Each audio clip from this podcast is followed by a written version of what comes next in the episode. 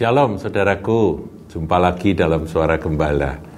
Saudara, kali ini kita akan merenungkan firman Tuhan yang terambil dari Keluaran 17, sebuah kisah yang terkenal, yaitu kemenangan orang Israel melawan orang Amalek.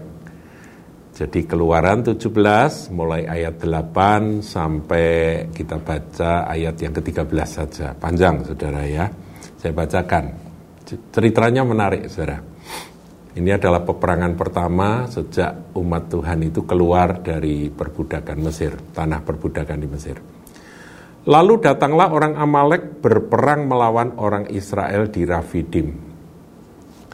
Musa berkata kepada Yosua, "Pilihlah orang-orang bagi kita, lalu keluarlah berperang melawan orang Amalek." Besok aku akan berdiri di puncak bukit itu dengan memegang tongkat Allah di tanganku. Lalu Yosua melakukan seperti yang dikatakan Musa kepadanya dan berperang melawan orang Amalek. Tetapi Musa, Harun, dan Hur, bertiga saudaraku, telah naik ke puncak bukit. Nah, ayat 11 saudara perhatikan. Dan terjadilah apabila Musa mengangkat tangannya, mengangkat tongkat yang di tangannya, lebih kuatlah Israel. Tetapi apabila ia menurunkan tangannya, lebih kuatlah Amalek. Ayat 12, maka penatlah tangan Musa. Ya, ini orang ngangkat tongkat terus-menerus di bukit itu kan capek juga, saudaraku ya. Sebab itu mereka mengambil sebuah batu, diletakkanlah di bawahnya supaya ia duduk di atasnya. Sudah jangan berdiri, duduk aja begitu ya. Nah, kalimat berikutnya di ayat 12, Harun dan Hur menopang kedua belah tangannya, seorang di sisi yang satu, seorang di sisi yang lain. Jadi ini tongkat diangkat gini, ini ditopang oleh Harun, ini ditopang oleh Hur begitu ya, supaya tongkat tetap terangkat sehingga tangannya tidak bergerak sampai matahari terbenam. Ayat 13, demikianlah Yosua mengalahkan Amalek dan rakyatnya dengan mata pedang. Saudaraku, kita semua ngerti ya makna rohani. Peperangan yang terjadi antara Israel dan Amalek ini ini terjadi uh, peperangan ini merupakan eh, bayang-bayang uh, dari peperangan kita melawan segala masalah, segala persoalan, melawan segala ya kuasa-kuasa iblis yang mengganggu kita begitu ya. Apa sajalah saudara ya, hidup ini kan satu perjuangan ya. Perjuangan kita melawan apa saja itu e, butuh perjuangan. Nah perjuangan, pelaksana perjuangannya itu kalau di dalam pekerjaan Tuhan ya pelayanannya ya, para pelayan Tuhan itulah Yosua mereka yang uh, berkhotbah, mereka yang bekerja, mereka yang bergerak, mereka yang nginjil, mereka yang melakukan ini, melakukan itu, itu adalah uh, peran dari pelayanan pekerjaan Tuhan di di lapangan begitu ya, orang-orang lapangan. Itu Yosua dan tentunya seluruh rakyat Israel. Pasukan Israel. Nah, Kemudian yang dilakukan oleh Musa adalah naik ke gunung mengangkat tongkat.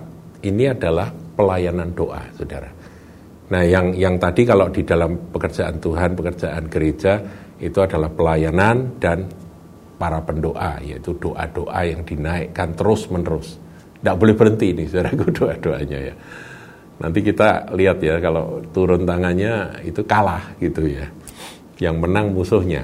Nah, ini sebuah gambaran yang menarik untuk direnungkan. Berarti ada tiga kelompok ya. Kelompok satu adalah kelompok Yosua, yaitu pelayan-pelayan, orang-orang garis depan, orang-orang yang uh, melakukan ini apa, orang lapangan.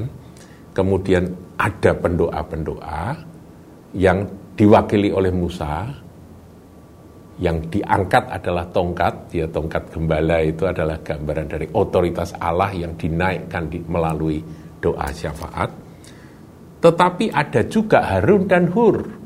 Harun dan Hur ini adalah gambaran dari koinonia atau persekutuan.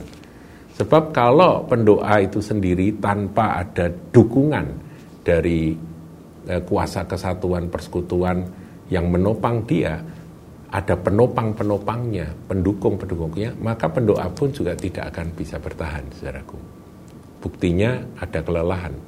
Meskipun hasilnya nyata, ketika tangan terangkat, tongkat itu diangkat oleh Musa, maka Yosua menang, Israel menang. Tapi ketika dia lelah turun keteteran gitu ya, yang menang Amalek. Nah ini terus menerus saudaraku terjadi. Jadi tiga kelompok ini perlu ada ya di dalam kehidupan kita. Juga di dalam apa saja saudaraku. Misalnya suami bekerja jadi sales, istri harus jadi berdoa.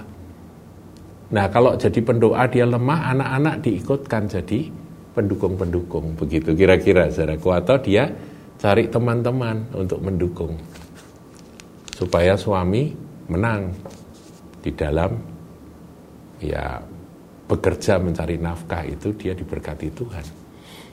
Menang itu kan diberkati Tuhan saudaraku ya. Nah kalau kalah itu gimana? Ya macam-macam saudara. Kena godaan lah ketipu lah dan sebagainya. Itu dalam dunia bisnis atau dunia kerja saudara. Jadi kita ini mempraktekkan akan firman ini bisa di segala aspek ya. Dalam segala aspek. Ada yang bertindak yang menjadi ini orang-orang yang maju garis depan menjadi pelaku-pelaku pelaksana-pelaksana, ada yang menjadi penopang-penopang doa. Dan ada juga persekutuan yang mendukung doa-doa tersebut. Ini dalam segala hal, saudara boleh praktekkan dalam keluarga Anda. Nanti saudara akan melihat bagaimana kuasa Tuhan itu dahsyat dan nyata, saudara. Ya, di situ dikatakan demikianlah Yosua mengalahkan Amalek dan rakyatnya dengan mata pedang. Haleluya. Tuhan Yesus memberkati.